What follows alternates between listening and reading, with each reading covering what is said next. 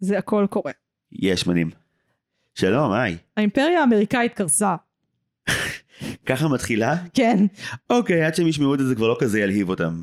הם יודעים כבר. כן, אבל אני הבן אדם היחיד שמתפרק, כאילו, אני... למה? אני- באופן מאוד עקבי הרבה מהחברות הטובות שלי מתפרקות בימים האחרונים ושבורות ממש מזה. זה לא רק זכות להפלה, כאילו, למי- שלא היה חי על כדור הארץ לאחרונה. אה, הבית משפט העליון האמריקאי, בחיזוק שתי שופט, שני שופטים שמרנים צוות טראמפ, אה, לקחו זכות בפעם הראשונה, אחרי זכות להפלה. מתחילה עם הסיפור הזה, כי אנחנו בפרק על הסמויה ואיך תמיד בסופו של דבר הכל חוזר למקום הרעיל והרע, לכן אנחנו מתחילים עם הסיפור של ורק ההפלות. פסיכופטים מנצחים. לא, אני פשוט מתחרפנת ואני רוצה לדבר על זה עם מישהו. מסכנה, אני כזה, אוקיי, הקונטקסט לפרק, את כזה, לא, עצב, עצב אנושי רגיל, רק העצב לבד, בלי, בלי תחכום של תמה. זה ממש זה, כאילו... אה, אני תמיד אומרת שאמריקה הולכת למלחמת אזרחים ואנחנו נהיה מיד אחריה, ונראה שהם ממש מתקרבים לשם. הם ממש עושים כמיטב יכולתם להשיג אותנו בכל דבר, זה כמעט מעצבן. זה יפהפה. היינו כל כך קרובים להגיע קודם, עכשיו באו, באו עם הסיבוב הזה עלינו. לא יודע, אני, עם כל יום שעובר אני מגלה המון פרטים שלא ידעתי על, אה, על מה נשים עשו בתקופת רום, ואני כזה, כן. כאילו, אני לא הכרתי את הקטע של הקולב, ואני, אני, באמת? לא הכרת את הקטע של הקולב? לא, לא, אני ממש הייתי הדיוט בנושא הזה, ואני אני עוד לא עיכלתי גם את המשמעויות הפיזיות, ואני באמת, אני רק יכול... תינוקות בפחי אשפה, מכיר? זה גם בשבוע האחרון יותר כן. עלה הנושא הזה. כן. מאוד רע מה שקורה, מאוד כן. מאוד רע. אני גם אבל מופתע, כאילו, לישראלים נורא אכפת מזה. בטח. אני יכול לדעת למה? כי זה יגיע אלינו? אנחנו חושבים שזה יקרה כאילו שזה תקדים, תקדים כן. מסוכן, ש- אוקיי, כי זה הגיוני בעיניי. אנחנו אוהבים לזיין את השכל על אור לגויים וכל זה, אבל בפועל אנחנו מעט מאוד פעמים עושים אור לגויים. היה לנו הזדמנות עכשיו עם נטפליקס, אני בטוחה במאה אחוז שנחמיץ אותה. היינו אמורים להיות הראשונים להביא רגולציה בתחום הזה, זה כבר לא יקרה. למה, למה ככה? עוד לא דווקא... נפלה הממשלה. אבל הקריאה הטרומית כן עברה. אחרי נפילת הממשלה. אני, ובכל זאת לא אני סתם. מאמין בממשלת המעבר שתעביר את הרגולציה על נטפליקס, זה הדבר שיזכרו מממשלת המעבר הזאת. אני, בסדר, fucking מנכ"ל פייזר ישב עם עמוס תמם, והם ליקקו אחד לשני נקבים מסוימים בגוף שאני לא אציין, אני ממש בספק שהחוק הזה יעבור. זה לא אני- חוק, זה אפילו, זה הוראת שעה, איך שלא קוראים לזה. אני כרגע נושר את השפתיים שלי לא להתחיל את השיחה על מנאייכ לפני שמגיעים לפינה של מה ראינו השבוע. אה, פייר לגמרי. אה, וואו, פתיח, פתיח. תריח.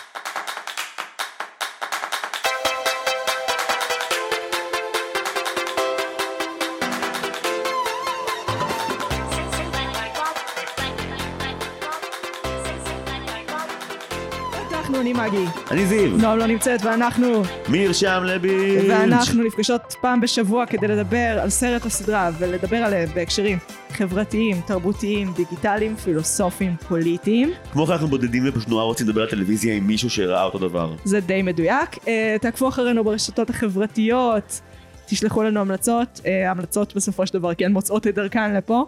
ככה אנחנו יודעים מה אתם רוצים, אחרת אנחנו פשוט כזה. בואו נעשה פרק על uh, אל סיסקו. מגי לא התקדמה בסמוך על סול, תתקפו אותה בתגובות. עכשיו, קדימה, צאו, קדימה. Uh, אפרופו פילטרים של אינסטגרם בסדרות. לא, הם באמת במדבר כל הזמן, אני חושב. המדבר צהוב, כולם יודעים. נכון. ניו מקסיקו אתה מגיע הכל צהוב, כאילו אתה עם משקפיים של uh, אורקלי, ידוע.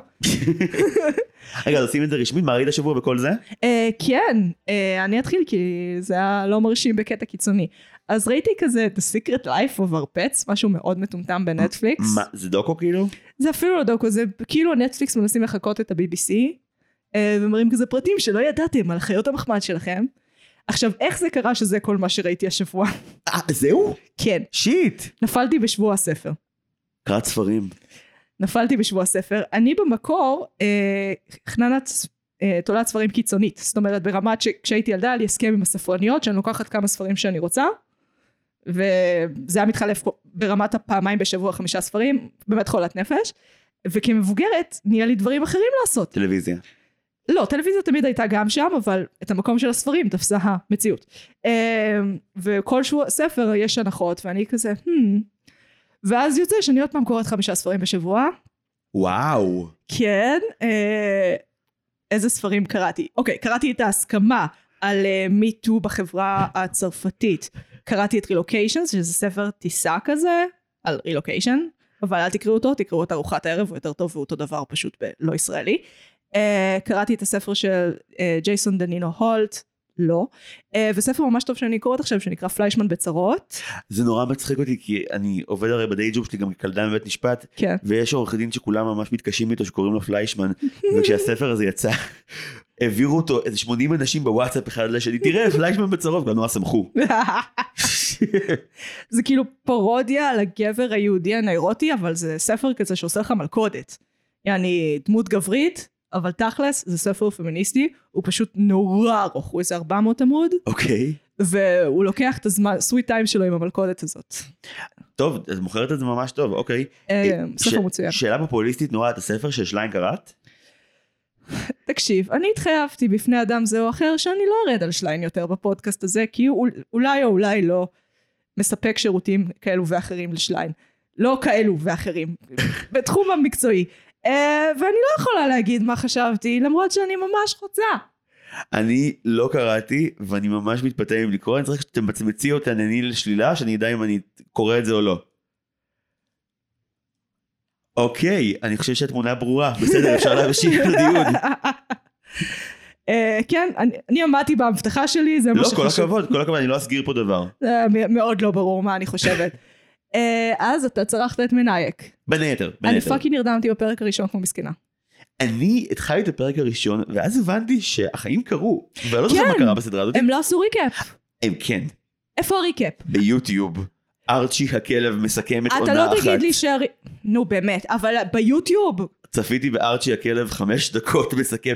מישהו עושה, זה נראה לי אה, אליה גרינפלד מכאן, הוא פשוט עושה מבטא שאני אני לא בטוח, נראה לי שהוא עושה את התוכי מבזק, שזה כאילו טייק אוף עשן המסה. רגע, הפודקאסטר מזינוק לאתמול? אני לא יודע, יכול להיות. בכל מקרה, אז כאילו, הכלב ששן המסייג מקצר מה קרה, הוא לא עושה עבודה מאוד טובה, הכלב. אז כאילו, יש פאנצ'ים מצחיקים של רות אלברס שהיא כתבה לזה, אבל כאילו, לא הבנתי מה קרה בעונה אחת. יחסית ליוצר כל כך מהודק כמו רועי עידן, יש לו לפעמים יציאות שאתה כזה. לא, הוא לא מאחורי הכתיבה של הריקאפ הזה, אבל אה, ראית את שני הפרקים הראשונים, ויואו, איזה צפייה קלה זה נהיה. אני פשוט יכול לראות שלום אסייג תמיד בתפקיד דרמטי, הוא כל כך טוב. הוא כל כך טוב, הוא באמת, הוא באמת טוב, אבל אתה מבין שהוא שם עלינו אלף זין. כאילו, למה ככה? כי אני חושבת שהוא לא עשה את זה ממקום של לזכות באהבת המבקרים, או אהבת השמאלנים הפלצנים. הוא עשה את זה ממקום של, אתה יודע, אני עושה מה שאני רוצה כי אני יכול. אני התחלתי את חיי ממאוד מאוד לא אוהב את שלום אסייג. אבא שלי גידל אותי על המופע שלו, על אה, הסייג כן, לחומה שתיקה. פייר, כן, עכשיו, כל המופע הזה, כאילו, אסור לומר אף בדיחה ממנו ב-2022, כמובן.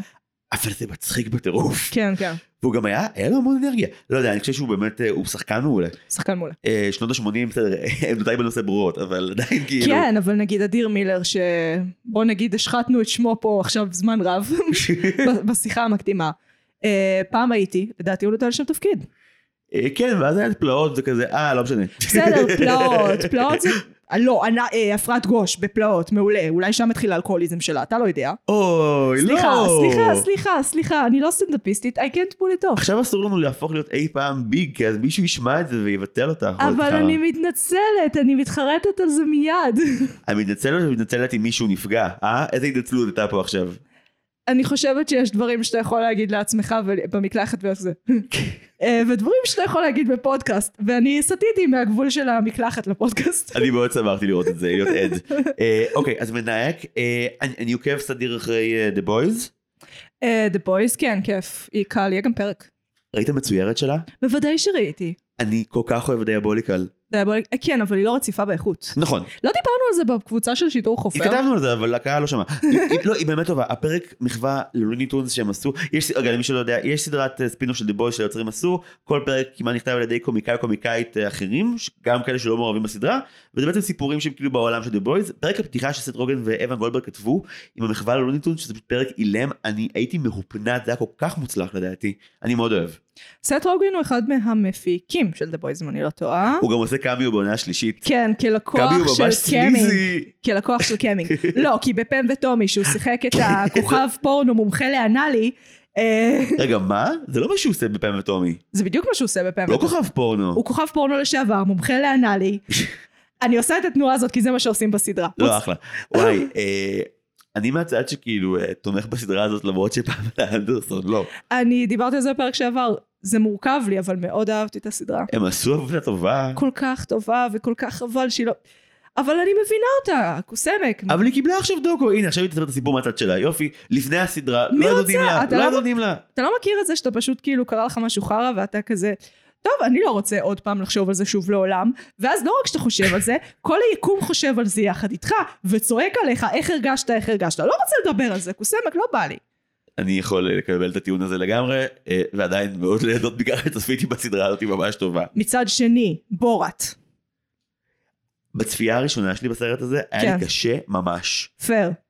אצלי לדעתי רק אחרי ששמעתי את היוצר מדבר כאילו רגיל ומסביר, לא יכלתי לסבול את זה. אה, אבל שנייה, למה אני אומרת את זה? כי יש שם את הקלטת. נכון. את הקלטת של פמלה אנדרסון, ופמלה אנדרסון משתתפת בסרט. אני אף פעם לא הבנתי, היא ידעה? היא ידעה, היא חברה שלו, פיו. אוקיי. של אה, סשה ברון. אז בואי רגע, צריכים לעצור, היא שיחקה ממש טוב בבורת. נכון, היא שחקנית טובה, זה לא אני עניין. ממש האמנתי שהיא מומללה. כן, יואו, כן. מעולה. כן, כן, היא- היא לדעתי אחד מהבודדים בסרט שבאמת... לכן אני מופתע, רובם לא. אה, רובם מוחלט לא, הוא ישב בכלא איזה 15 פעם לאורך ציור, והיה כאילו במעצרים. במעצר. מעצרים מלא. אני חייב להגיד שאני מהמחנה הממש מטופש, שמעדיף, זה נורא לומר את זה בכל רם, את ברונו, פשוט כי בברונו, באמת? אני רוצה להסביר את התזה שלי, אוקיי? אבל יש, יש סיבה. פשוט בברונו, הוא הלך ותקף הרבה יותר אנשים שמגיע להם. הוא הלך ותקף הרבה יותר אנשים בעלי כוח בהוליווד, אנשים שהם במהותם עושים דברים איומים לפרנסתם, בכירי מצמרת האופנה והטוק שואו. המטרות היו הרבה יותר גבוהות. החבורת קולג' הזאת שהוא כאילו המיזוגנים שבוכים לו לא. ושיכורים, בסדר, הם גם ילדים קטנים ומפגרים, ויכול להיות שבעוד שנתיים הם ילמדו בקולג' מה זה בחורה ושהיא סובייקט והם יהיו הוא אחרים. חשף את האנטישמיות של אמריקה הכפרית בצורה הכי ברורה שאי פעם ראיתי בחיים שלי. אתה יושב ואתם פה פתוח. אתה לא מה, זה לא רק הגזענות האנטיש... זה לא רק האנטישמי, אתה מבין שעצם זה שהוא מסתובב שם בדמות של בורת, ואף אחד לא חושב זה שחקן, אלא זה קביל להם בתור זר קזחי. הם כזה, כן, ככה הם נראים, ככה הם מדברים. זה שבהמנון עדיין חצי מהם חושבים שזה אמיתי, זה היסטרי, שאשכרה. כן, טוב. נו, אבל זה בדיוק העניין, זה חושף את הגזענות האמריקאית העמוקה, כמה הם fucking דפוקים במוח על הגזענות שלהם. קראתי את, אה, את הריאיון עם איילה פישר שהיא, אה, שסיפרה שכאילו הייתה פעם אחת בלילה של צילומים וזה בדיוק היה אחד מהלילות האלה שבהם עוצרים אותו. מעולה. עכשיו הדבר האחרון שהוא עשה ופשוט אה, סוכם אה, הוא בינו לבינם מבחינת אה, ישנו בית שהיא לעולם לא באה לשום יום צילום של שום דבר שלו אף פעם. מעניין, כי היא ידעה, היא בוודאי ידעה כשהוא נעצר, כל פעם. כן אבל החוויה של לא לשמוע על זה אלא להיות חלק מזה כן. פחד מוות. אני לא מאחל את זה לאף אחד. מצד אחד כן, מצד שני, אני בדרך כלל שונאת, כאילו קשה לי, אני קוראת לזה קידוש האמן.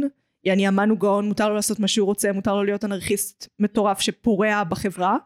שונאת את זה, אבל יש משהו במה שסשה ברון כהן עושה בבורת, שאני פשוט מעריצה. כאילו דווקא בגלל המעצרים, דווקא בגלל כאילו, לא יודעת, זה חתרני ומגניב בעיניי. משהו שבדרך כלל אני מוצאת כפלצני ודוחה, שם עובד לי. אני יכול להבין את זה. כן. אני חייב עוד משהו אחד שראיתי השבוע. כן. שבת הזוג שלי סיגל גררה אותי, וניסו כבר פעמיים להגניב אותי על זה וזה נכשל, והפעם זה הצליח. אה, ראיתי הרלי קווין, וואלה. ראית? Birds of Prey? לא לא, הרלי קווין זו סדרה מצוירת, שמעת עליה? זאת של ה nineties? לא לא, ממש עכשיו, אה, קיילי קווקו, פני מ Big Bang, היא עושה אותה? וואלה. את תמותי על זה מגי, את כל כך תאהבי את זה. וואלה, אחרי הדיילת? את תעופי על זה. זה לא הדיילת? לא, זה... אוקיי, זה ה take הכי מגניב שראיתי עד כה על כל סיפורי בטמן. בגדול הרלי קווין היא גיבורה, ופשוט הג'וקר הוא האקס הרעיל שלה, והיא כל הזמן חוזרת בתוך הדפוסי אישיות שלה חזרה לזה, ופויזן אייבי היא החברה שכאילו מוכנה לשקם אותה, אבל עד גבול מסוים. זה מתבסס על Birds of Prey, זה קו ש Birds of Prey כבר התחילו. הם הרבה יותר מתפרעים, זה הרבה יותר אלים, Mm. וגם האפיון של מערכת היחסים האובססיבית הרבה הרבה יותר מעניין לדעתי, וגם היא פשוט מצחיקה באופן בלתי נסבל, הם לועגים כן. לקומיקס של עצמם. לא, זה כאילו לגו בטמן פי 10 מבחינת כמה יורדים על עצמם וואו, לגו. בטמן היה ג'ים מושלם. גורדון מאוהב בברוס וויין בקטע חולני והוא כאילו רק מת להיות בקטע ממש כאילו גם creepy הוא כל הזמן רוצה הוא מדליק את נורת העטלף בקטע של כזה שיבוא לדבר איתי ואולי להתנשק כאילו זה, זה היסטרי את חייב לראות. זה מאוד אה, fanfic-י נשמע. אנשים שמאוד אהבו בטמן אבל יש להם ביקורת כתבו את זה וזה מאוד מורגש. ואני אומר את זה ללא שום מושג מי כתב את זה אבל זה עשוי מעולה. ביקורת על בטמן זה The Boys. האמת שאני אנסה. נשמע, נשמע זה באזור דווקא שלי. בדיוק אה, למי שכזה מחכה שבוע לפרק הבא של The Boys זה ממש אחלה דבר למלא את החלל. מה זה החרא הזה שחזרו להוציא פרק בשבוע? זה לא מקובל עליי. פריים אה, נוהגים אה, בזה. זה לא מקובל עליי. כן זה קשה. גם דיסני עושים את זה. זה לא מקובל עליי. למרות שזה שכאילו זה הדרך היחידה של סדרה להפוך להיות משהו רציני. לא, כמה סדרות שיצאו בנטפליקס בשנים האחרונות בבינג' לא, נט... זה לא קשור לנטפליקס. אני יכולה לתת לך סדרות בנטפליקס שלא יצאו בבינג', את כל הריאליטי שלהם הם לא מוצאים בבינג' יותר. את דקאט, דקאט? דה סרקל, too hot to handle, כל אלה, הם מוצאים בפרקים. עכשיו, האם זה הופך את זה לסדרות חמות יותר? לא. אבל פריים ואפל כן הולכים יותר, גם דיסני עכשיו נכנסו לקטע של פעם בשבוע, בעוד שנטפליקס כן הקלף המנצח שלה עדיין זה הכל יוצא עכשיו, הנה. אני, אני אוהבת הכל יוצא עכשיו, אני רוצה תוכנה שתשתף, שתשתף פעולה עם חוסר תפקוד שלי כבן אדם, מה הבעיה?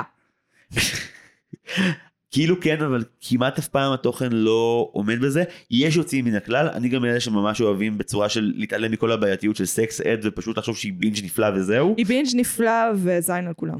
כן המלצת צפייה האחרונה כי יש לנו סמויה על הראש אה, לא פשוט אני חשוב לי לומר את זה זו היחידה שתקשיבו לה אם מישהו מקשיב למשהו מה שאני אומר. אה, אני כל כך בצד של סיסו ושמחו בכאן 11 שזה בלתי סביר. אני כל כך בעדה. תקשיב. היא כזאת טובה. כן אבל. אני יודע שהיא כוסברה.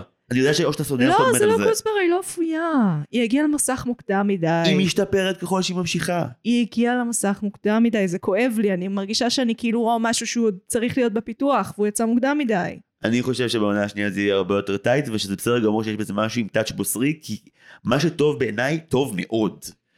ההומור כן. העצמי, הטייק על התרבות העברית ועל המוזיקה הישראלית. כן. מה, הבדיחה, סליחה, ספוילר לפתיחת הפרק השני, אבל כן. שכאילו כדי להכניס לחזן הראשי, אז מי, הרבצר שמת מבקש שדודו פישר יבוא ללוויה שלו ויחזן במקומו, וזה יוצר משבר קנאה.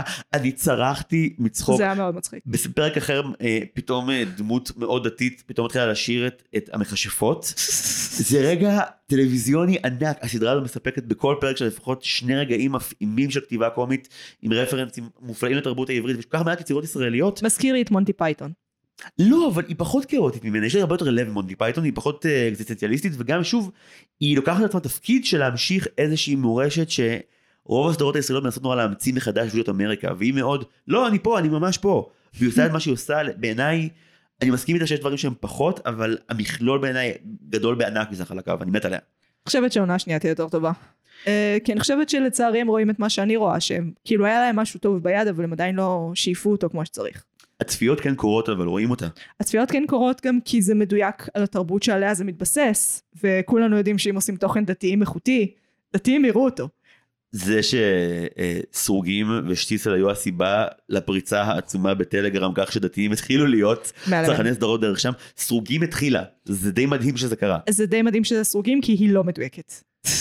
למה דווקא, טוב, שיחה אחרת, אנחנו שיחה בפרק... אחרת, סליחה, סליחה. כן, טוב, שנעשה את הדבר האמיתי? כן, נעשה. אוקיי, אז שלך עכשיו, נראה לי. אז כן, אז טריילר? אוקיי, בוא נעשה את זה. אז טריילר, אוי.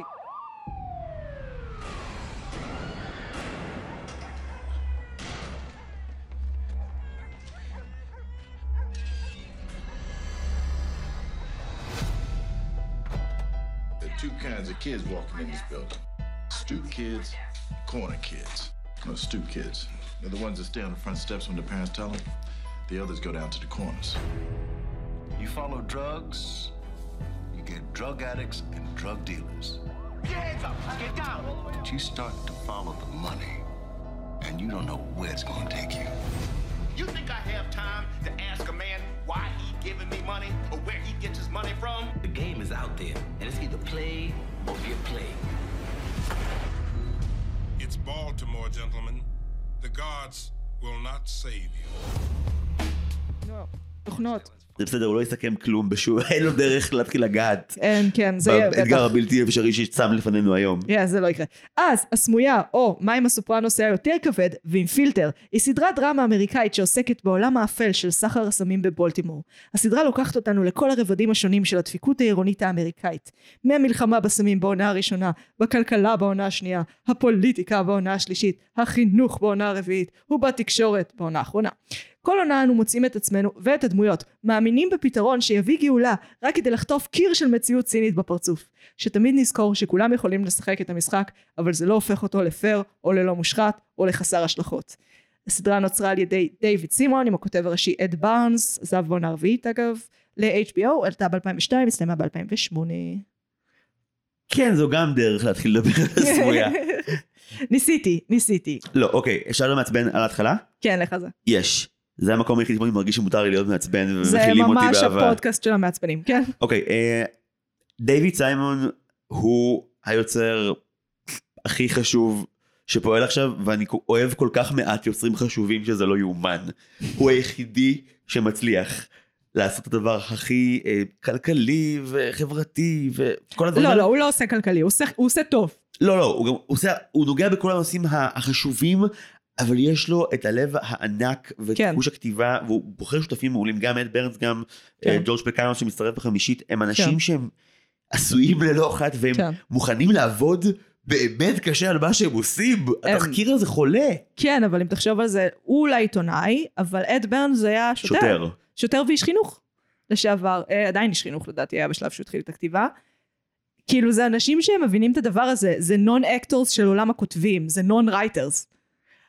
זה נכון, ומעניין אותי איך השילוב בין תחקיר והמון המון סיפורים שהם פשוט נתקלו בהם לאורך כל הקריירה שלהם, את יודעת, פתאום, אה, מאוד. פתאום פגשו את המבנה של עונה ושל סדרה. אגב, אה, בניגוד לאיך שזה נראה לפרקים, The Wire לא, הם לא ידעו איך היא תסתיים. הרי של... אה. עונה שלוש הייתה, היה חשש רציני שהיא עונה האחרונה, הם סיימו אותה כביכול. כן, דיברנו על זה קצת בפרקים אחרים, שבאותה תקופה היה הרבה יותר נהוג לעשות את הטעות הנוראית של לכתוב את עצמך לתוך פינה, שזה לא לחשוב על הסוף, ופשוט אה, לכתוב ונראה איך יתקדם. הם כבר לא עושים את השגיאה הזאת, כי אבודים קרתה, אה, שזה באמת טראומה טלוויזיונית ידועה מאוד, אבל הסמויה אתה לא מרגיש את זה. אני חושב שאם אתה יודע שאתה רואה את העונה השלישית, שהם הם פחדו שאולי לא ייתנו להם את מה שהם רצו, אז אתה רואה שהם כן, אה, הם סגורים הרבה פינות, וכל מי שראה את הסדרה הזאת יודע שתודה לאלה שנתנו להם להמשיך לרביעית, כי היא העונה הכי טובה. הרביעית והחמישית הן העונות הכי טובות. היום- רגע, רגע, מה? תחזרי שוב? סליחה על הזין שלי, חמישית לא, לא, טובה. לא, לא, אני מעריץ את הכנות, תגידי את זה עוד פעם. רביעית והחמישית הכי טובות. שזה דעת, כאילו, הרביעית הדעה, רביעית סלש שלישית זה הדעה הפופולרית, חמש, אה, בעיני רבים, אני לא בהכרח שמה, לא, לא, היא מעולה. היא העונה הנוראית. לא, לא, היא עונה מעולה. היא עונה מעולה כי היא גם אה, מפוצצת לנו את הבור. יש שם, כבר נגיע לזה, כל עונה מתעסקת ברובד אחר של העיר, ואיך הכל ביחד מצטבר לשחיתות וחוסר תפקוד. אה, גם כשיש לך כל מיני שחקנים טובים בכל המערכת, בתוך המערכת, שהם פשוט לא מצליחים לפעול. אה, והעונה האחרונה, יש שם עניין שמראים את העיתונות, אה, ויש שם בשיתוף פעולה אחד השוטרים ואחד העיתונים, שיתוף פעולה לא מודע, הם ממציאים רוצח סדרתי. עכשיו, יש שם איזו סצנה לפני, שאתה רואה שהשוטרים רואים דקסטר, ואז הם אומרים לו, "וואי, איזה מגניב זה רוצח סדרתי שרוצח רוצחים סדרתיים אחרים, והמקנולטי נראה לי מגיע והוא עושה כזה. הם נורא, בשלב הזה הם נלחמו על כל עונה ועונה, והם נלחמו עם סדרות כמו דקסטר, שעם כל הכבוד לדקסטר, זו תחרות לא סבירה ולא פיירית, ועוד להפסיד לדקסטר, גם אני הייתי הורגת מישהו. ברור, כי אתם לא לאותו קהל. אז הם, אני לא מסכימה איתך, זה, זה בדיוק אותו קהל. מה? מכות קהל- עכשיו. זה קהל, יש קהל כשהוא בא לזנות וקהל כשהוא בא להתחתן, אבל זה אותו קהל. יש סיבה שיש הרבה פחות אנשים שראו את הסמויה מאשר אנשים שראו את דקסטר. אנשים שראו את הסמויה ראו ב-DVD. כמה אנשים כבר ראו הסמויה בלייב? א', אבל, אבל האמת, כל מי שראה את הסמויה ב live צריך לקבל פרס כאילו נובל או כן. משהו. זה לא, ההיפסטר המקורי. זו לא סדרה שהיה כיף לעקוב אחריה לא. במשך כמה שנים? לא, הוא שרד את עונה 2 בצפייה ישירה. איך אפשר? זה אומץ בלתי יתואר. אני, סב... אני כל כך סבלתי בעונה 2, אני מבינה את החשיבות שלה, עונה 2 זה עונה של הנמלים ושל ארגוני העובדים. וואו, אני קוראת לזה עונת המכולות. 90 אחוז מהעונה הזאת, מכולה עוברת מכאן, עוברת לכאן, מה קורה עם המכולה? מה קורה עם המכולה הזאת? אה! לי קל להסביר מה הבעיה שלי מהעונה השנייה, וזה פשוט, זה, לא, זה אפילו לא זה שהרבה מהדמויות שהיינו מפוקסים עליהן הם בצד עכשיו, זה, כן. זה בסדר? כן, זה שהדמויות הלבנות שהעונה שלהם מתמקדת בהן, רובן מאוד או טראבלד או פסיביות, וזה כאילו כן. שני קצוות מאוד מחוספסים להסתכל עליהם. כן. אין לך, דווקא באופן מוזר, עמוק בשכונות, שכונות הסמים של בולטימור, אנשים הרבה יותר אה, מפגינים מנעד רגשי מרשים. ו- מותר לנו לקרוא לזה גטו? אה, אני לא יודע, כי אף פעם לא העמקתי מספיק בחוויה של תרבות אפרו-אמריקאית, לדעת מה, איזה שכונה היא גטו ואיזה לא. לא, זה חד משמעית אה, אה, גטו. השיכונים מוצגים כבאמת איזה משהו שאי אפשר לברוח ממנו. כן, שלא רק שאי אפשר לברוח ממנו, זה, זה ממש מקרה אבוד מראש, אבל יש כאילו אווירה, כל... אוי, אוי אוי, אווירה כללית של חוסר שינוי לאורך כל הסדרה. כאילו הם ממש נותנים, עושים לנו את המלכודת הזאת, בעונה הראשונה הם בונים אותה בצורה מושלמת, בעונה הראשונה ממש הם עוקבים פרט אחרי פרט, אחרי התוכנית המשטרתית, ואיך זה עובד, ואיך זה מצליח, ואיך זה, ואתה מרגיש כאילו הם בונים אותך לניצחון. ואז לא.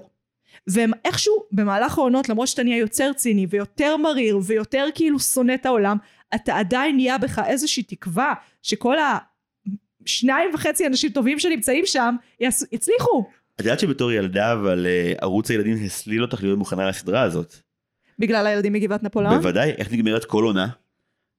לא תופסים את הרעים. נכון, גבעת נפוליאון היא סדרה היחידה נכון. בתחום הילדים. וואי, זה עשה לי כל כך הרבה סיוטים ש- עם היד. בסוף העונה הראשונה, וגם, אני, אני זוכר בתור ילדה, את מגיעה לי כאן לסוף עונה אחת של גבעת נפוליאון ואת כזה, הם כבר אמורים להראות לנו חשודים, לא, אין, אף, אין אף חשוד, לא, זה לא נורא. מוצאים בכלל, הם גם חסרי יכולת. כאילו, אה, כי הם ילדים. הם ילדים. ובהקשר הזה, אני לא משווה בין ילדים בגבעת נפוליאון לבין השוואה סבירה הסמויה, בעיניי, כן. אבל מבחינת הטון הקודר, כן, כן. אה, והאמת הקשה, אבל גם ב"The Wire" כאילו יש איזושהי הבחנה מאוד יפה בין אה, ניצחון חברתי לבין ניצחון אישי, כי דמויות מסוימות כן יכולות לקבל סוף טוב בסמויה והן מקבלות, חלקן ממש בשנייה האחרונה, חלקן אף פעם לא. זה חצי כוח סוף טוב. איך קוראים לשוטר ההוא שהתחיל כשוטר ממש גרוע והשתפר? פרז, פרז פרז. בליבסקי. יש שם איזה סצנה, נדמה לי בעונה רביעית. אה, הוא ממש, יש איזה נער שהוא עד והוא ממש מנסה, דוקי. דוקי מנסה בעור שיניו איכשהו לצאת מהעולם הזה, הוא באמת עושה את כל הדברים שכאילו האמריקאים היו קוראים pull yourself from your bootstraps. כאילו הכי, החלום הקפיטל, הוא ממש מנסה. לא, והשוטר לא מצליח לעזור לו, כי המערכת תפוקה. ואתה רואה את הילד, והוא אומר לילד אני אעזור לך, הפעם האחרונה. והילד צועק עליו, אה, רגע, תעזור לי? סליחה, אני הטעיתי אותך ממש נורא. כן. לא, פרז זה השוטר הלבן שנהיה המורה. לא השוטר הלבן. את דיברת על הבחור, לא על הרק, על הקרבר. כן. קרבר נהיה שוטר ממש טוב, כן. ובאמת אה, זה לא דוקי זה, נו, איך קוראים לילד? אה, נו. אייבי? אייבי? לא, לא, לא, ילד, אה, זה בורות, אני ידעתי שאני אעשה בושות בפרק הזה. יש מלא, דמויות, נו זה קשה. יש ארבעה ילדים. טוב, אחר כך נגיע לזה, בסדר. כן. בכל מקרה, אבל אה, כן, זה הילד שנשאר בפנימייה, ו... וכשחוזרים עליו, הסוף הטוב שלו זה שהוא למד כבר להרביץ מכות ילדים אחרים, זה הכוח שלו היום בחברה. לא, אנחנו, גם כשאתה מסיים את ה... פעם אחרונה שאתה רואה אותו זה ברור לך שאתה לא תראה אותו יותר כי הוא ימות. לא, ואז אתה רואה אותו פעם אחת, והוא נהיה מקרבן. אני, אני עדיין לא הרגשתי כאילו זה לא משנה. כאילו הילד שהיה מת, זה העניין. לא, לא כזה. בקטע של הוא מצא דרך למשוך עוד עשר דקות על כדור הארץ, עוד רבע שעה על כדור הארץ, אבל בסופו של דבר יש, יש עליו כל כך הרבה סמנים וכל כך הרבה אנשים שרוצים שהוא ימות, שזה מקום הלא נכון פעם אחת, זהו, זה נגמר בשבילו. אז שוב, הסדרה מציינת טבעי גאולה אה, מצערים לדמויות מהסוג הזה, כי חלקם לא ימצאו את עצמם יותר במעגלים שיוכלו להיות במעגלים במרכאות בריאים מבחינה חברתית, אבל they manage, הרבה מהם לא מתים אלא פשוט נהיים או נרקומנים או סוחרים, או שהם אה, נכנסים לארגוני פשע גדולים יותר. יש דמות אחת, אחת בכל הסדרה הזאת שבעיניי יש לה סוף טוב. ניימרו? נייברו? הבחורצ'יק עם הילד עם הקוקו. שה... ניימונד, ניימונד. בטח. ש... שהשוטר מאמץ אותו בסוף. כן, הוא הוא ה-1%, זה אפילו לא 1%. ה-0.1%. כן, זה כל כך כאילו, ו- ולמה זה קרה? כי מישהו ממקום אחר, שהוא תכלס חברתית לבן באיזושהי רמה, הציל אותו. לבן מבחינה סוציו-אקונומית, כן. כן. כן, אבל טוב, את יודעת, אני חושב שדווקא הגאולות הקטנות ב"The Wire" זה הדבר שאתה הכי מתרגש ממנו, כש- כשזה מגיע אתה יודע שזה מיוחד. שזה שווה, כן. את ראית סדרות אחרות של סיימון? אה, יש עכשיו העיר הזאת, העיר הזאת שלנו. שלנו עוד לא התחלתי. העיר הזאת זה מחזמר הרב של תיאטרון אינקובטור, בכיכובם של מופע של ויקטור ג'קסון. האמת שזה יכול. השיגו אותו ב-DVD, הוא מצוין. יש אותו ב-DVD? אה, יש גרסת וידאו, אפשר להשיג אותה דרך האינטרנט, לא ב-DVD באמת, אבל כאילו, או, קח את הקובץ. נראה שיש דרך לרכוש. חזרה אלייך, אבל כן, העיר הזאת שלנו של מיני סדרה, נכון, מה עוד? אה, אם ראיתי, מה עוד היה שלו? help me. שתי הסדרות הרציניות של דיוויד סיימון, זה Deuce, הצמד, שהיא לא, חדשה. לא, רגע, רגע, לא אחי. רגע, יש פה טרילוגיה. זה Deuce, מן הסתם The Wire היא האימא של כולם, וטרמי שהיא הסדרה אחי! הכי מוארת שהוא עשה. אחי! מה, רצח מאדום לשחור? לא, נו, אתה מדבר איתי על טרמי ודדוס כאילו זה סדרות טובות? טרמי היא סדרה מדהימה. אני לא אשתכנע בחיים. כמה ראית? עונה וחצי. Mm. היא מרגשת ויפה. לא. היא הגרסה החיובית של The Wire, היא מראה אור דרך. המוזיקה. היא לראות, לשאוף אה, לירח, לעבור בין הכוכבים ואז לרדת כל הדרך חזרה עד לעומק החלל שם תיפול? הנצח. מתי? כשיצא. אוקיי, תראי שוב. תראי פרק שוב. פרק ראשון שוב. אני מפציר בך. אני ראיתי את דדוס לפני איזה שנתיים, אוקיי? Deuce היא ההפך. Deuce היא הסדרה הכי קשה בעולם. היא היא איטית. כאילו, הסמויה היא לא איטית אף פעם כסגנון. היא איטית כמבנה והיא מאיצה. כאילו, לאורך העונות הסדר נהיה יותר ויותר מהר של האירועים וזה מאוד מאוד מכוון בעוד שדדוס זה כזה אוקיי אבל למה זה נמשך שמונה פרקים יותר ממה שזה צריך אמ, מבחינת אכזריות כן, טוב אנחנו נחזור לסמויה כי יהיה עניין ו- כן. וגם 20 שעות לא יסכמו אותה, כן. אבל אני אגיד רק ואת תגידי שאני טועה ונמשיך. ש- לא, שאני אני מתוך השלוש אני גם הכי פחות אוהב את דוס. היא כן גרמה לי להכיר לראשונה באיזה שחקנית ענקית מגי ג'ילינהול וזה לבדו מצדיק את כל העניין בעיניי. באמת דוני דרקו אחי. אמרתי מגי ג'ילנהול כי הסתכלתי עלייך זה מגי ג'ילינהול. המזכירה? אני לא לא סרטים שאני נהנה מהם. כן זה קצת edgy מדי אוקיי. סליחה? Excusez-moi? לא יודעת המזכירה זה כזה סרט נישה. זה יותר שזה אני לא אוהב סרטים שכולם סובלים בהם לא מתחבר לפורמט אני אוהב הומור שחור מדי קשה לי בגלל זה Wire אגב בצפייה שנייה היא הסדרה הכי wholesome בעולם כי דברים הכי מחרידים קורים ברמה העלילתית אבל כל דמות מעלה בך חיוך ואור בעיניים כל הזמן לא נכון. גם הרעים אה, אוקיי גם הרעים פייר אבל שוטרים מושחתים לא. אין הרבה והם יש משניים ובכל זאת את הרק לא אהבת למרות כל החרא שהוא עשה בסוף בסוף היה לי ממש קשה. היה לי ממש קשה, כי האלימות המשטרתית, כאילו, שזה אגב, מדהים איך הם עסקו בנושא הזה בכזאת רמת דיוק, fucking 2002, כשכולנו היינו, אני ערף, אנשים נוראים. זה מלא זמן לפני Black Lives Matter מה שקורה שם מלא כן. אה, וכאילו, ובלו לייפס מטר. אני מרגישה שהוא דיבר בשתי הקולות האלה, והוא עשה אותם מעולה. בעונה הראשונה יש את השוטרת שיורים בה בסוף העונה. בטח זה מאוד מאוד משפיע על, על העלילה. אה, ומה- קימה גרגס כן. שכאילו בצפייה הראשונה הייתי מאוהב בה וואי, כן. היא תגלית חבל על הזמן. והיא אחד הארקים הכי אה, קשוחים בסדרה. כן, זה מאוד כי רגעי היפים ביותר הם בהתחלה ובסוף, והאמצע הוא מאוד, כאילו, יש איזה רגע בסוף, ב- לקראת סוף עונה, לקראת הסיפור שהיא הייתה אמורה למות? כן. אני מת על זה. שאשכרה מפיקה בה ואמרת סיימון, כאילו, את רואה את גרגת אומרת לעצמך, וואי, כבר אז, כאילו דמות נשית מקבלת כזה תפקיד וכזה מנעדים ודיבור על להט"בים הרבה לפני שזה היה ברמה הזאת, כן, בסדרה של אנשים שהם כולם מאוד סטרייטים, כן. כתבו אותה, והיא הייתה, כאלה סדרה גברית במקור, היא הייתה, האישה הייתה אמורה למות לפני סוף עונה אחת, ופשוט באה אליהם מפיקה ראשית ב-HBO ואמרה להם, לא, זה התנאי האחד, לא, אי אפשר. אבל הם הקשיבו לה. תמיד יש אחת בחדר שלא סותמת את הפה ואז מפטרים אותה. אף אחד לא מקשיב לה. אני מדברת תאורטית בלבד, אני לא מכירה את הבן אני אדם הזה לא, באופן אף אישי. פעם לא פוטרתי כי פתחתי את הפה בנושא... מה? אה, אבל אני אומרת לך, כאילו יש פה משהו... זה פתיחות ראש, זה הבנה שהעולם מורכב ולא מורכב באיזה רמה תיאורטית ספרותית, אלא להבין את הדקויות שלו ואת הסדקים שלו ואת הנישות שלו ולראות אותם עדיין באור הומניסטי ולא ציני והיסטורי ומגעיל. כאילו עדיין לראות את זה כאנשים שחיים בכל הסדקים האלה. בגלל זה אני אומר, בצפייה השנייה שעשיתי ממש בחודשים האחרונים, קודם כל, היא סדרה הרבה יותר מצחיקה נכון, משזכרתי. כן. כמעט כל הדמויות הם שחקנים עם תזמון קומי מדהים וגם שורות טובות. דיאנג'לו הוא דמות שיש לה קטעים מצחיקים, לא זכרתי את זה. אה, אה. ויש המון סיפורים מטורפים מאחורי הקלעים שאני ממש אוהב, פשוט כי באמת לא האמנתי, נגיד הסיפור של בבלס, שהוא הבחור שהוא כאילו הנרקומן שלהם, כן. והוא עושה תפקיד מדהים והסיפור שלו מדהים ומרגש מאוד, והרגע שבו הוא ידע שהוא הבין את זה, זה שבמהלך צילומי עונה אחת, אה, מישהו בא וניסה לקנות ממנו הרואין, והוא היה המום מזה, הוא היה, מז... הוא כאילו היה המום ומזועזע, אבל גם המבל וכאילו, סורי אחי אין לי. זה לא רידמפשן סטורי על נרקומנים. ובכל זאת הם הצליחו, כאילו, אני לא ראיתי הרבה דבר, אפילו תוכן דוקומנטרי שהתעסק בתחום הזה והצליח להסתיר את הגועל שלו. באמת, כאילו יש משהו אצל אנשים שפשוט, גם אנשים הכי שמאלנים והכי ליברליים והכי כאילו מבינים והכי אנשי טיפול, יש משהו בנרקומנים שפשוט מגעיל. אנשים לא מסוגלים להסתכל על זה בעיניים ול, ולראות את האדם. אה, תוקף עבודתי בתור כלם בבית משפט, אני בעיקר לפני ימי הקורונה ראיתי ספסלים מלאים, ואת רואה בדיוק מי הסוהרים שיש בהם חמלה, ו- והם רואים את האנשים האלה כבני אדם, וגם צוחקים איתם, ומדברים איתם כאילו כאילו חברים שלהם, ואלה שאתה רואה באמת כאילו הם בקצה הדוכן, הם כזה מתרחקים, הגוף פיזית נדחה מזה, את רואה בדיוק מי, מי רואה את הבן אדם ומי כבר לא יכול להיות בן אדם מעבר לדבר הזה. זה קצת מזכיר לי להסתכל מצוק. כאילו אומרים הרבה פעמים שמפחיד להסתכל, לעמוד בקצה צוק ולהסתכל כי אתה מפחד שתקפוץ. אז באיזשהו מקום אני חושבת שמפחיד אנשים להסתכל על נרקומנים כי הם יודעים שסמים זה דבר ממכר שנמצא בסביבתם. וכאילו, אתה יודע, בח- בחירות לא נכונות יכולות להוביל לשם. גם הומלסים. ואחד הדברים ש The Wire עושה עם כל הרעיון של מכורים לסמים הוא לא נורמלי.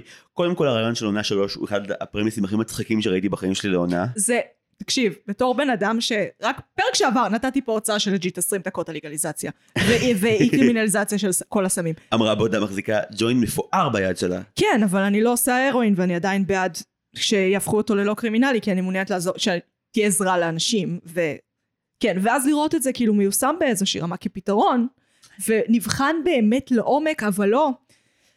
נחזור לקנאביס שנייה. אה, אנשים לא מסוגלים לדבר על קנאביס כמו שצריך, אוקיי? אף אחד לא, כולל אותי.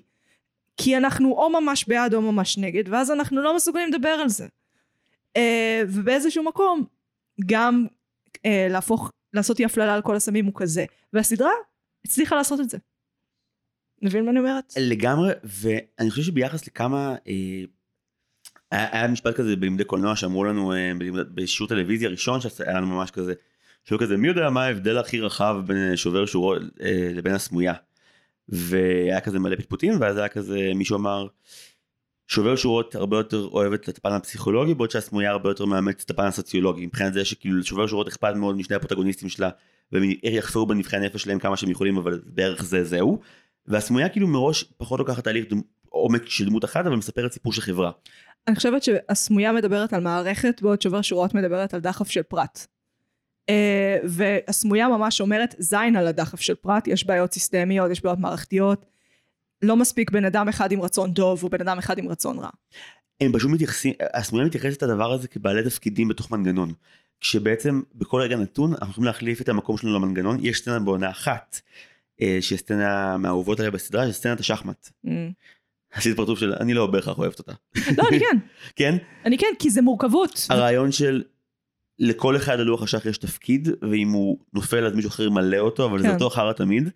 אז התמונה מצטיינת בזה כי המהלך האחרון של סאקי סדרה הוא בשביל להראות לך איך מלא דמויות החליפו תפקיד של דמויות אחרות, אבל עדיין יש את השוטר האחד שהוא מורד ואת הבחור האחד שהוא מנומנם אבל יודע הרבה ואם מישהו ישים לב אליו אז יהיה טוב. במשטרה הם לא מתחלפים בעוד ברחוב הם מתחלפים. ברחוב הם מתחלפים גם במקום של אה, כל דור עולה על השני גם בחוכמה וגם באכזריות. וגם באכזריות. זה התחיל מסטרינגר בל, שהוא בעונה הראשונה אנחנו רואים אותו כאיש העסקים. זה לכאורה מתחיל קודם לכן מאייבון שבא איתו ביחד, שאייבון הוא, הוא המודל הכי ישן לאיש פשע, כן. שכאילו הוא ברון אבל הוא ברון שהוא ברון קהילתי. לא, אבא של, סליחה, אבא של ניימונד הוא אחד לפני.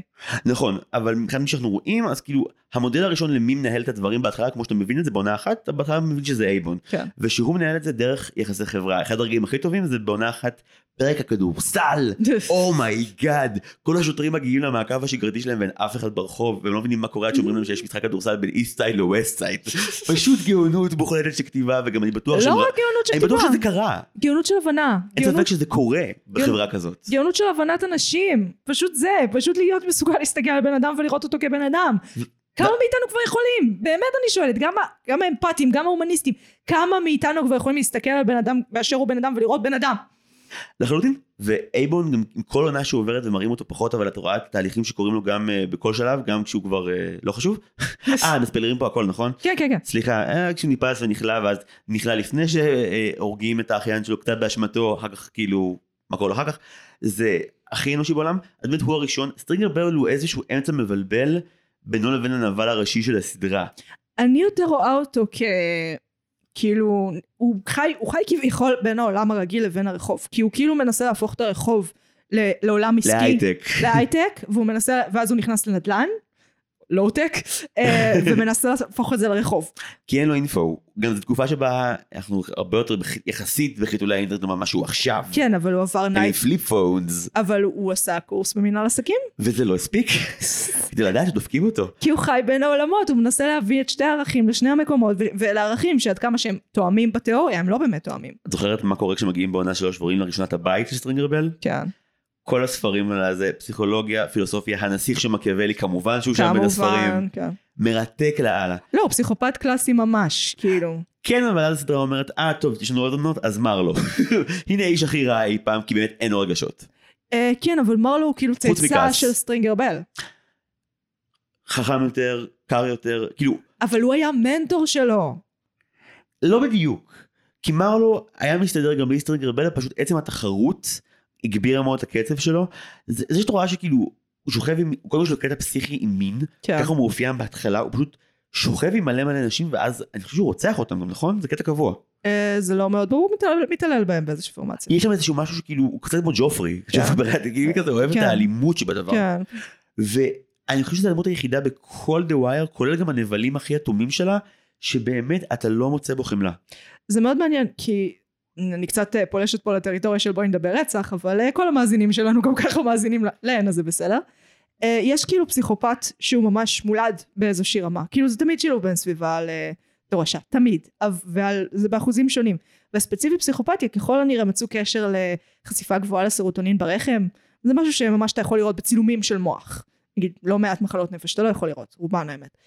נדמה לי שפסיכופתיה באמת יוצאת דופן במקרה הזה. ויש את האנשים, רוב הפושעים הם לא פסיכופטים. הם סיגלו לעצמם את התכונות האלה מחוסר ברירה הישרדותית. כאילו, ואתה רואה את שתי הצורות האלה ברחוב בסמויה, ואתה רואה את ההבדל. אתה... שזה פשוט פאקינג מרתק. את, כאילו, מרלו הוא באמת פסיכופת. מרלו גם שיעור אה, מבלבל באנטי דרמה, כי מרלו הדמות היחידה בסדרה שבאמת חוץ מ...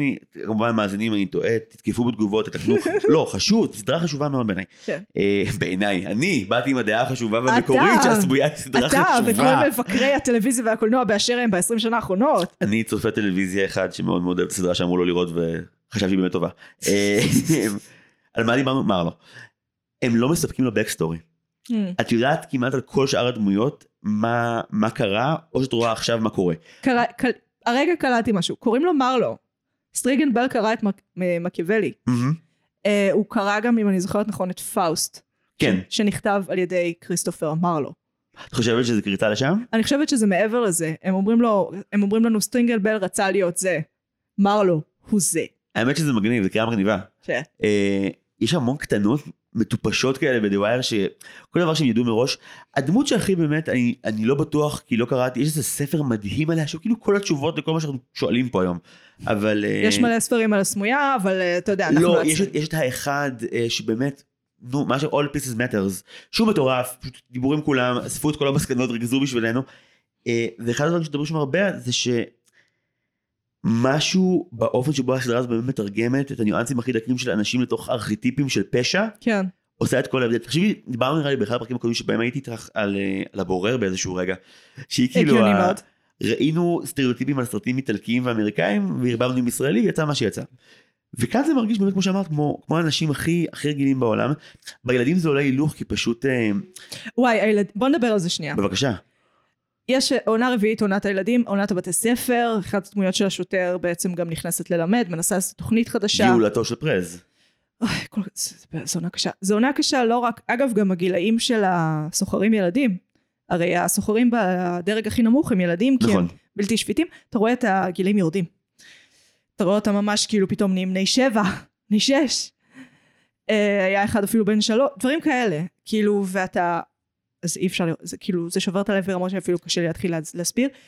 כי יש משהו בחינוך שהוא כאילו, אוקיי, העולם דפוק, אבל ילדים, נכון? ואז אתה כזה, לא, לא, לא, אתה לא יכול לגדל ילדים בסביבה הכי לא סבירה בעולם ולתת להם את החינוך הכי גרוע בעולם, ואז להיות כזה, כן, יהיה בסדר. יש אה, סצנה מרהיבה בעונה הזאת שבה אחד מקווי העלילה הכי דווקא בחלק מהזמן דווקא מעורר תקווה זה הקו של הכיתה המיוחדת כן. שעושים סוג של פרויקט. לא, לא, זה, זה לא מעורר תקווה. זה מעורר תקווה רק כדי לשבור לי את הלב. לא בדיוק, זה היה מורכב, מה שקרה שם היה מורכב, הם כן קיבלו שנה אחת שבה התייחסו אליהם כבני אדם בבית הספר שלהם, זה היה משהו שהם יזכרו אותו ליתר חייהם. רק בשביל לקחת להם את זה. אוקיי, אבל אולי הם ישאפו להיות הדבר הזה שהם, או שהם יישארו לנצח במעגל עכשיו- הדיכאון והעצב, כן, טוב. עכשיו גילו מה יכל להיות להם ומה לא נותנים להם. יש סצנה. כן, סורי, אני עצובה. לא, לא, לא, אני מנסה בכוח למצוא תקווה איפה שאין. שהם הם זוכים באיזשהו פרט בתחרות בכיתה המיוחדת, זה כזה ילדים שלקחו אותם... אה, הכי כי- קשים. הילדים כביכול הכי בעייתיים, שגם היה נראה שיש שם פוטנציאל לימוד מאוד גבוה והרבה שכל, פשוט אה, באמת קושי מאוד גדול להתנער ממה הם אמורים להיות אה, גברים גדולים ברחוב. ועולם הקשרים, שהוא שונה מעולם ההקשרים שעולם החינוך מנסה לפנות עליו. בדיוק, ובתור פרס לוקחים אותם לארוחה במסעדת פאר. כן. והם פשוט אבודים, הם רק רוצים כאילו, הם רצו מקדונלדס פנסי, כן. הם לא רצו, לא הם נכנסים, וכמובן שהרוב מאוד לבן סביבם. ומסתכלים עליהם. ודווקא מי שלוקח אותם כזה, לוקח את זה נורא בקטע של כזה, תרצו עכשיו את, ה, את הסטייק הזה, או את, כאילו ממש, וזה סצנה שכבר היו בסדרה בעונה אחת, את זוכרת? עם דיאנג'לו? שהוא גם במסעדת יוקרה והוא יושב מול מישהי והוא גם, הוא גם מפחד כל שני ששוטרים יבואו כי הוא לא שייך לפה, כאילו, את רואה בגילאים שונים את האדם שגדל במקום הזה, עובר את אותו רגע, וזה אותו רגע גם אם אתה בן 10 וגם אם אתה בן 25. אתה לא שייך וכשאתה מוקף בזה, האפשרות שזה יהיה החיים שלך דווקא נראית הכי רחוקה, כי אתה לא, לא תוכל להשלים את הפער אף פעם, אתה אף פעם לא תגדל על מה שהאנשים האלה גדלו ואתה אף פעם לא תתעניין בזה ואתה תמיד מרגיש שאתה מתחזה בצורה הכי קשה שיש. האופציה היחידה שיש להם היא ה-the game, המשחק, המשחק בסחר בסמים, שהם יודעים שהוא מושחת ושהוא לא פייר ושהוא ידפוק אותם ושיש לו השלכות הכי קשות על הם החיים לא שלהם. יודעים את זה. הם יודעים את זה, הם אומרים, אתה או מתקדם או מת. הם אומרים את זה כילדים. כן, אבל את חושבת שהם מבינים, יכול להיות שבגלל שהם גרים בבולטימור והם רואים גופות, אז הם אשכרה יודעים מה זה אומר הם להיות בעצמם מת. מכירים רוצחים, מכירים נרצחים, זה, זה, זה לא משהו שאני ואתה בכלל יכולים להתחיל לדמיין.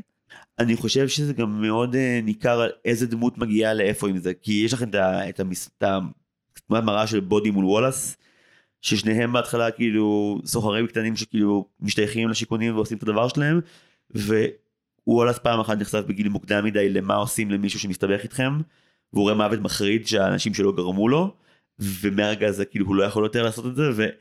ובודי כאילו מבין שבשביל להתקדם בארגון, בשביל לא למות, הוא צריך להיות זה שהורג. וכל הסצנה של החיסול של וואלה זה רגע שבו את יושבת ואומרת לעצמך, למה, למה אני צופה בסדרה הזאת? כן, כן, כן. מה עוללתי? כן. אבל אה, בפנים, זהו. כן. את בצפייה הראשונה, באיזה גיל ראית את זה פעם ראשונה? מבוגר יחסית, ראיתי אותו אחרי עוז, שזה היה חוויה מעניינת. דווקא אחרי עוז נראה לי מאוד קשה להתחיל סמויה. אתה טועה. הכי קל, אחד כי אתה מכיר את הדמויות. כאילו זה אותו, נראה, ארכיטיפ. לא רק ארכיטיפ, אני, אני- איך אמרתי ליואל, היו איזה עשרה שחקני אופי שחורים בהוליווד באותם שנים, אוי, ש- והם היו מאוד מועסקים. רק ב-HBO אולי. אבל- אוקיי, תמשיכי, סליחה. אתה, זה כמות מטורפת של חפיפת שחקנים. כן, נכון. זה לא סביר, כאילו זה ברמת, אה, לא יודעת, הארי פוטר ו Game of Thrones. אוקיי, אתה יודע שאני צודקת. אני לא אכחיש. אוקיי, תמשיכי. כמות חלוקת שחקנים.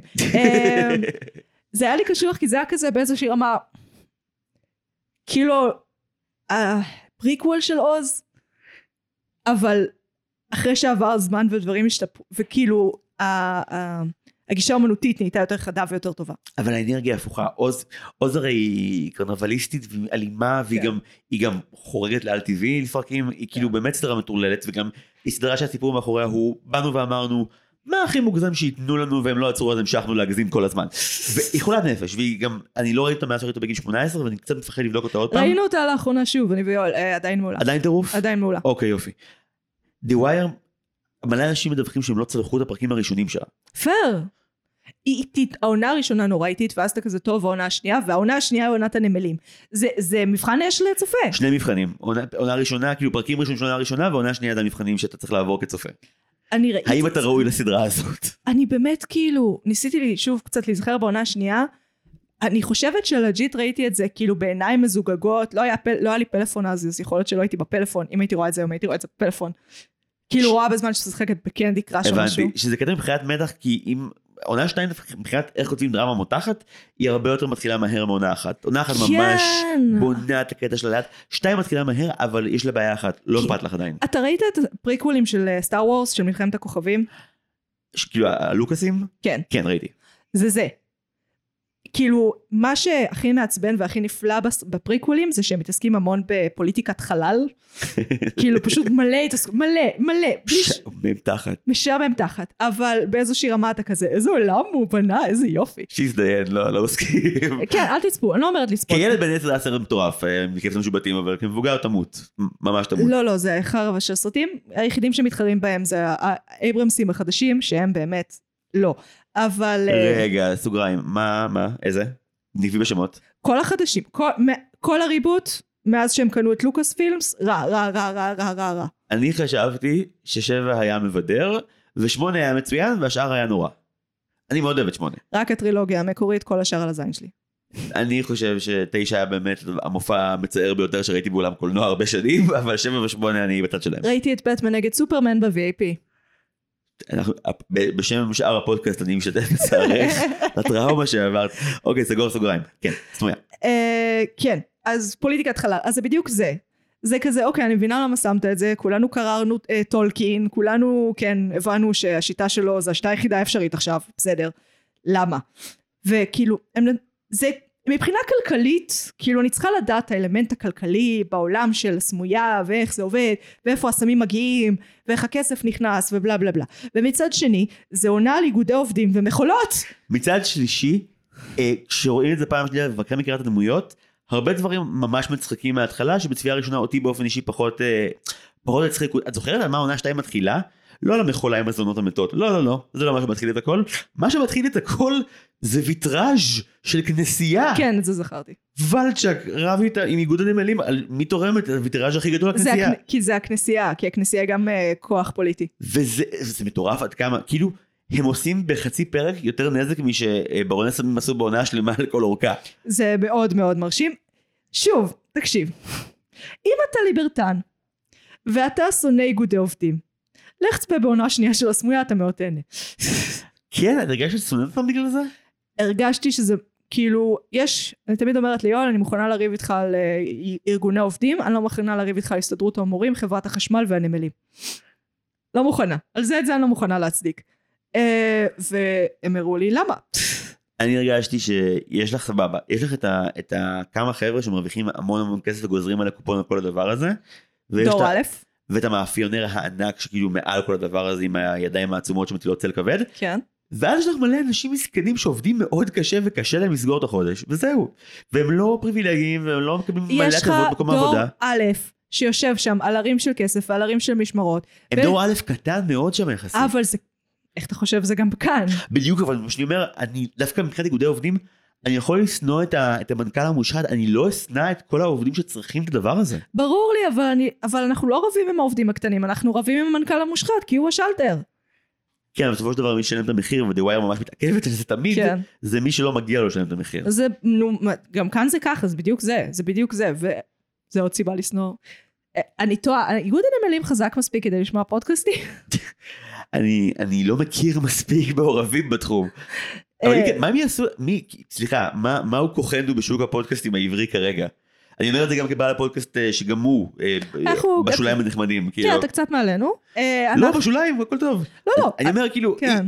שיתקפו מוקדי כוח בעולם הפודקאסטים הישראלי אוקיי. אנחנו לא דור כאן, אנחנו לא הישרדות של עולם הפודקאסטים. לא לכו לתאגיד תשרפו אותם עזבו אותנו בשקט.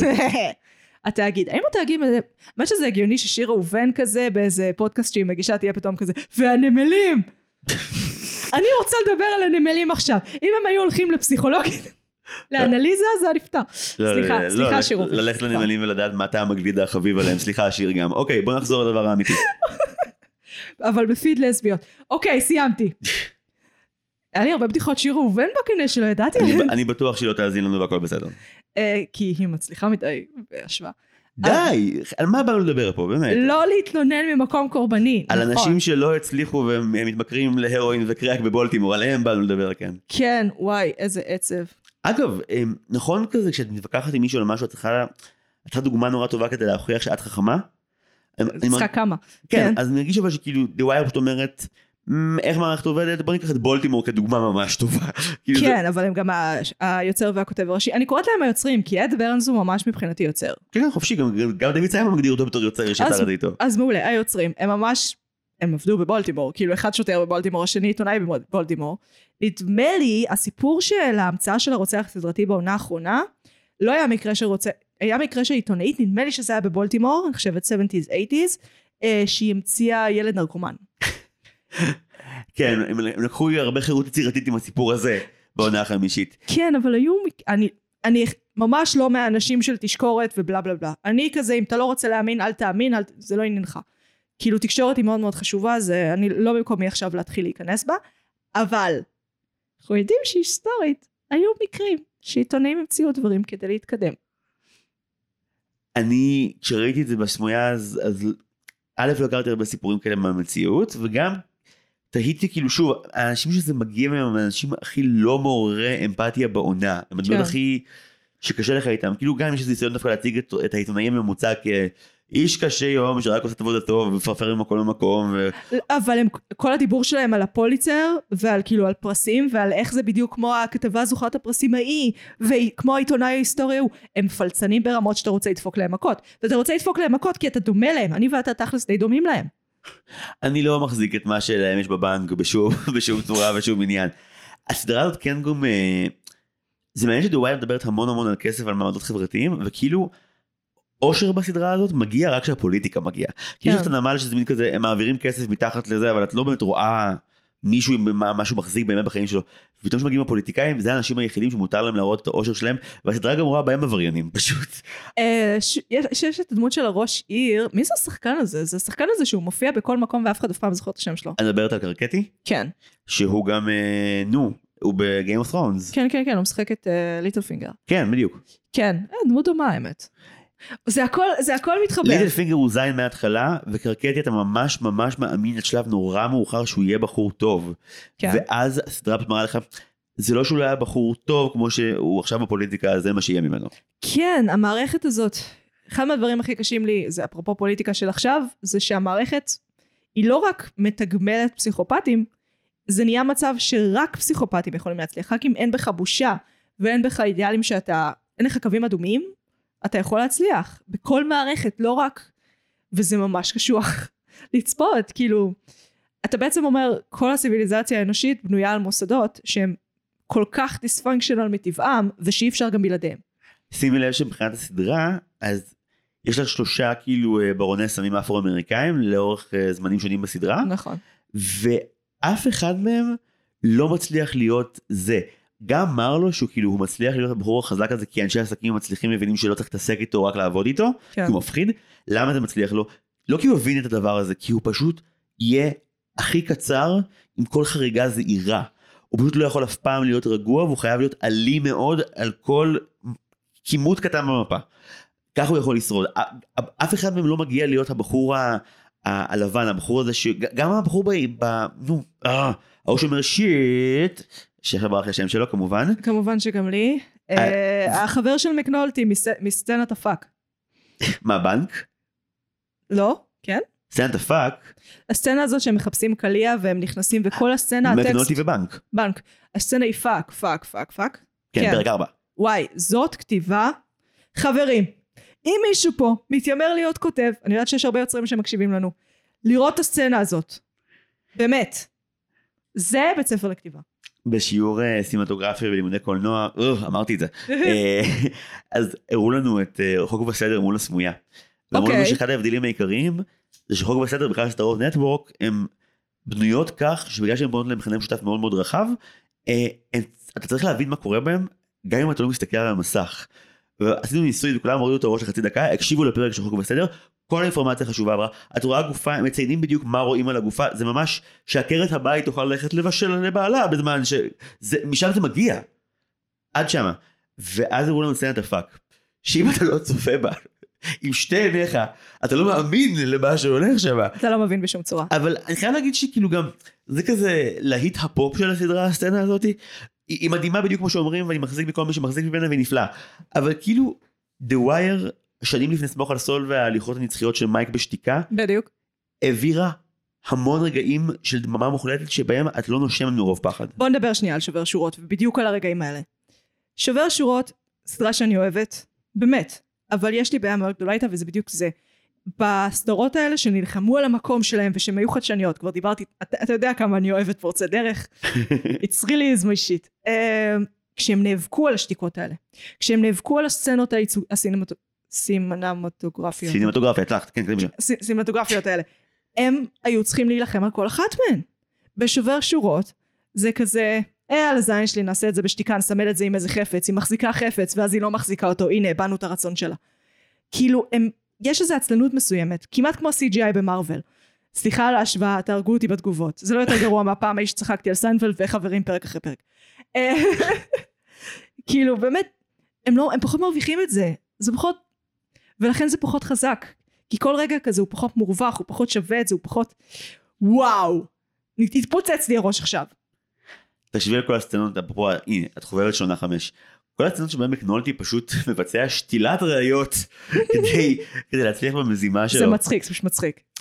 זה מצחיק וזה בעיקר מצחיק כי הדמות של בנק הוא דמות שהסדרה תמיד שמה בצד אבל משתמשת בו בתור אס לרגעים החשובים. הוא תמיד נכנס כדי להציל את מקנולטי מהתביעה הנצחית של האישיות שלו. יש אה, כמה דמויות נק- אה, מין אה, סימני מוסר כאלה.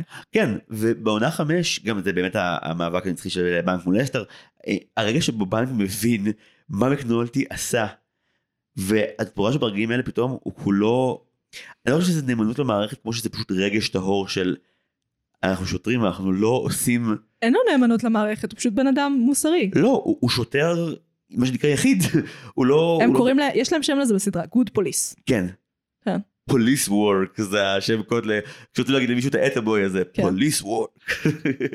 היא הסדרה הכי טובה שראיתי בחיים שלי, אני מעוניין ש... אם את רוצה להגיד משהו על סופרנוס תגידי אותו עכשיו, אנחנו נריב. אני אני אוהב את הוויכוח הזה, כי אני חושב שכאילו בניגוד לחברים וסיינפלד כאן הקבלה יותר מעניינת, כי גם... זה זה לא... סיפור אחר לגמרי. זה סיפור אחר, זה הסתכלות מאוד אחרת על האם, האם המאפיונר מעניין בתור אה, האישיות המרתקת שלו, או איך הוא מתפקד ככלי אחד בתור מערכת הרבה יותר עשירה. לא, לא, בעיניי זה שונה מבחינה תמטית. זאת אומרת, הסופרנוס הם- מתחיל כשעובר ה RICO Act, החוק שבעצם מאפשר למוסדות החוק להיכנס במשפחות פשע, אוקיי? וזה מתחיל בהתקף חרדה של טוני. התמה של הסדרה סומנה כ-learn how to die. גסיסה. התהליך הוא גסיסה של אה, ארגוני הפשיעה. אתה גם רואה שהם מפסיקים להתלבש בחליבות, מתחילים להתלבש בטרנינגים. אתה ממש רואה את ההתפרקות של המערכת. בעוד שהסמויה מראים לנו את הנצחיות של המערכת. אוי, זה מעולה. אני ממש אוהב, נכון. תואר שני ביץ'. סליחה, תואר ראשון, ידעתי שהיא דרגה אחת מתחת בשיחה כן, הזאת. פחות סמינרים. לא, זה ממש נכון, כאילו, אנשים מתים בדווייר, אבל כל מה שקורה מתקתק תמיד, ורק ה- היעילות והקור הם עולים מדרגה כל פעם כדי שהמערכת תמשיך להיות משומנת. זה בעיקר אבל מדכא בחינוך, כי חינוך, אין בראש הפירמידה מישהו שהוא בן זונה. ממש לא, גם המנהלת שהיא באמת כלבה מהגיהנום, היא, היא אישה מאוד חלשה בתוך בית ספר מאוד עני, זה לא שיש לה כוח כלשהו. כן, אבל אכפת לה באיזושהי רמה, כל, אכפת לה, היא כל כך מנה... פגשתי, פגשתי אותה, פגשתי אותה כל כך הרבה פעמים, בכל כך הרבה נשים שונות, באמת, זה כאילו, זה בן אדם שנגמר. נגמר. הייתי שינשין ב- בחטיבת ביניים בראשון, וזה היה כזה מה שקוראים לו שכונת רמת אליהו, זה באמת הרבה עולה, עולים מה- מאתיופיה, והבית ספר הוא באמת הרבה מאוד ילדים לבנים עשירים מהשכונה המתחרה, מהשכונה המקבילה, והרבה ילדים מהשכונה שלנו. ופשוט, כאילו, הסגנית מנהלת, ברור שהיא אוהבת אותם, ברור שאכפת להם, אם היא שומעת רשרוש במסדרון אחרי שהשיעור התחיל, היא אפילו לא יוצאת, היא פשוט צועקת החוצה בציטוט המדויק הבא, מי מדבר פה באתיופית באמצע השיעור? וואו. זה הציטוט. עכשיו, זו המורכבות, אלה האנשים שנשארים לטפל בילדים האלה. יפ. הם כן שם. כן. ו- וזה גובה מחירים אנושיים ושכליים בשלב מסוים ככל הנראה. זה הרג אותנו, אבל את יודעת, גם היינו שינשינים מתנשאים שבעצם אין להם שום כלי. לא. אף אחד מאיתנו לא הצליח להיות פרזבליבסקי אף פעם, ולהיטמע ולהיות חלק. זה, זה כן. איזושהי רמת הקרבה, אסתר גם אומרת, מי שבאמת יצליח אה, להתקרב למעגל הזה מתוך מקום של אה, סוציולוגי, מתוך מקום של לרצות להיות, לראות באנשים האלה אנשים, הוא כמות החומות שצריך לעבור, בעיקר אם הוא לא מאותה תרבות אגב, פסיכי. ו... ואת רואה את זה בדיוק בניסיונות העיקשים, לתוך העניין, אגב אמרת שלניימון יש סוף טוב, ברור, סליחה על הבוטות, אבא שלו שחור.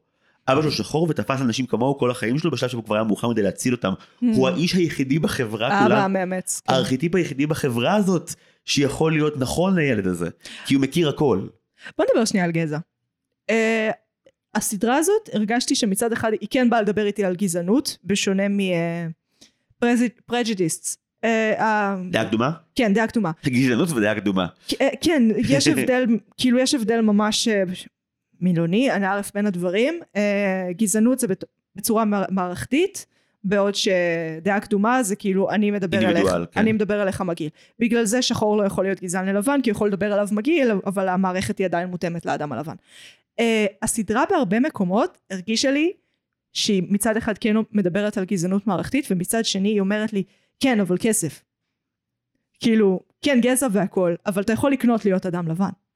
ואתה יכול ליפול ללהיות אדם שחור. מבחינה חברתית, מבחינת איך שמתייחסים אליך. כאילו כן, אבל דווקא אני הרגשתי שה- שהאנשים השחורים בסדרה אה, מנסים אה, לשאוף אל הלבנות ועל כל אה, אורח החיים האליטיסטי שמלווה אליה, כאילו אין להם דרך להיות אף פעם חלק, בעוד שליפול לרחוב ולהיות נרקומן, שם כבר אין צבע בהכרח. כן. אם אתה למטה אתה למטה ואתה יכול להיות, גם, אתה יודע, גם יש שם משחק עם לכלוך בסדרה שכל הנרקומנים הם, הם די מלוכלכים גם פיזית כן. מבחינת פנים וכאלה. וכאילו באמת את רואה, את רואה נרקומנים לבנים שכבר באמת כבר התחילו להיות כהים יותר ונרקומנים כהים שהם הרבה יותר בהירים בגלל שזרקו עליהם עפר לבן הם באמת בדיוק. תמיד כולם נראים אותו דבר בקטע הזה זה לא משנה יותר. זו שאלה מעניינת. אתה מכיר את הסרט בוודאי אה, 12 שנים של עבדות? לא ראיתי אבל מכיר כן. ספר אגב מעולה. אה, קראתי אותו. לא ראיתי אגב מבחירה. היה נראה לי שאני לא, אסבול ולא הוא קשוח, רציתי. הוא קשוח, הוא, מעולה, הוא עשוי טוב קולנועית והוא לא משעמם, שזה יתרון לסרט חשוב, אה, אבל הוא קשה. יש שם דמות של אה, אריס, לא יודעת איך אומרים את זה. כאילו בן אדם ש... בעל הכוח? לא, הפוך.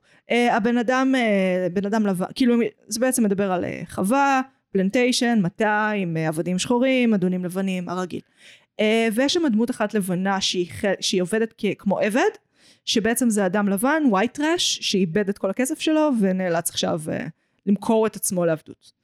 אה, ואתה רואה שכאילו מצד אחד הוא איתם, והוא עובד כמוהם, והוא אוכל איתם, אבל הוא לא מקבל את אותם כמות מלקות, אם בכלל. ואם הוא לא מגיע למכסה, בסדר, מחלקים לו. אוף. זה קצת מזכיר לי את זה. אני ראיתי לאחרונה מרתון גולים, וזה מזכיר לי את זה באותה מיטה. לא הטלת ביצים היום, תמות. נורא ואיום. כן, אבל זה כן מעניין, כי הדברים האלה מתעסקים במורכבות של מעמד חברתי ביחס לגזע. כי בעצם, אם אני ממש מרדדת את זה עם מערוך עבה עבה, אז הם אומרים לנו, יש גזע, יש מעמד חברתי, הם דומים והם שונים, והם עובדים ביחד והם לא עובדים ביחד.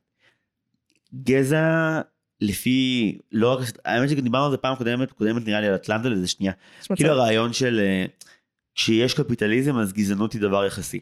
כן. כי אם אתה ממש למטה או ממש למעלה, אז לכאורה ההבדל פחות גדול, למרות שהדוגמה שלך כרגע מבטלת את זה. אבל, אה, אבל בוא נאמר את זה ככה, ההבדל פחות בולט אולי, אם אתה למטה או למעלה, ובהקשר של הסמויה, אז הדוגמה שלי לא מבטלת את זה, זה בדיוק מה שאני אגיד. הם תופסים, בשני, הם תופסים בשתי המושכות. הם אומרים, גזע זה דבר לא משנה מה, אבל מעמד חברתי יותר חשוב. הבנתי. מבין? כאילו אבל מול הדבר הזה יש גם את העניין של תפקידים בקטע של, אוקיי, השורה הכי מוכרת מעונה 2, הסצנה של המשפט של עומר, שהוא מעיד, כן. שאגב, אה, הזכרנו את עומר פעם ראשונה, עכשיו שנינו מפוטרים נראה לי לאלתר מהפודקאסט הזה. אה, כן, אני חושבת, אבל כאילו, יש מצב שעומר צריך הכי פחות הסבר. יכול להיות, אבל הרגע שבו, הציטוט המוכר של כאילו, לי יש את הרובה לך יש את המזוודה כולם במשחק, כאילו, שהוא אומר לעורך הדין, לליבי, כמובן שהוא יהודי, הם היו חייבים לדחוף את הדבר הזה, תקשיב, אני בתוכן אוכלים כבר חודשיים, בא לי למות, אני נהיית אנטישמית. ממש ממש ממש. כן. כאילו הרעיון של בסופו של דבר אם כולנו חלק מאותה מערכת אז גם גזענות היא כלי שתמיד ימשיך לעבוד כי הוא משרת איזושהי הבנה של פוליטיקה פנימית אני מבין לפי זה שאתה שחור או לבן איך להתייחס אליך מה אני יכול לקבל ולהשיג. זה עד כדי כך גם כאילו משחק מחשב בתחושה שלך כאילו מין כן, יש תפקיד מאוד ברור לכל סוג דמות ויש לה צבע אחר בהתאמה כדי שזה יהיה ברור לך. כן. זה... זה דוגמטי ומורכב. זה, הסדרה הזאת בעצם, אני חושבת הדואליות, היכולת שלה להחזיק שתי מושכות באותו זמן ובכל רגע נתון, זה, ה, זה הר, הרבה מהגאונות. כן שאם הוא אמר גאונות אז מבחינה דרמטית אני חושב שהסדרה היא באמת אה, היא, היא מופת למתמטיקאים. כן. כי זה כמו מתכון איך ש... זה יכול להיות שהם לא ידעו מראש? איך זה, פיזית, כאילו איך אתה בונה בניין כזה בלי לדעת לאן כל הלבנים ילכו? שימי לב שמבחינת אם עכשיו נספור שנייה כל sequence סיום עונה שבו את רואה איפה כל דמות סיימה מבחינת הלוח שח שלה תמיד יהיה איזון מופתי של 70% באסה 30% גאולה חלקית עד uh, מלאה זה בערך יהיה נתונים אולי 75-25 כן. ואת תראי תמיד שהם הם סופרים במדויק כמה ייאשו אותך וכמה נתנו לך קצוות כדי שתמשיכי. כשהפרק האחרון הסתיים אני זוכר שקראתי מזמן בבלוג של דיוויד סיימון שכאילו הכותר השורת הפתיחה של הפוסט אחרי שהפרק האחרון יצא זה טוב זה לא אכזרי מדי נכון הוא אשכרה שאל הוא שאל כי הם ניסו להבין בדיוק מה האיזון שיסבר את האמת מבלי להרוג את כל מי שצופה. אני מעדיפה את האמת, כי אני באתי אליך בשביל האמת, אני באתי לסמויה בשביל האמת. אז כאילו, וכבר, ואני סובלת מנטלית the entire week, אוקיי? אני, כל הדבר הזה הוא על גבול הלחתוך את עצמי עם תודעה חברתית. באמת. אז, אז, תגיד, אז תגיד לי, ת- תן לי את זה כבר, נו, תגיד, סיים עם זה, תמשוך את הפלסטר, תגיד שהכל חרא וזהו. אבל, אבל זה לא מה שהיא אומרת, כי היא אומרת גם עוד משהו נפלא. יש ציטוט מוכר, אה, אם סיפרתי לך את זה פעם תעצרי אותי.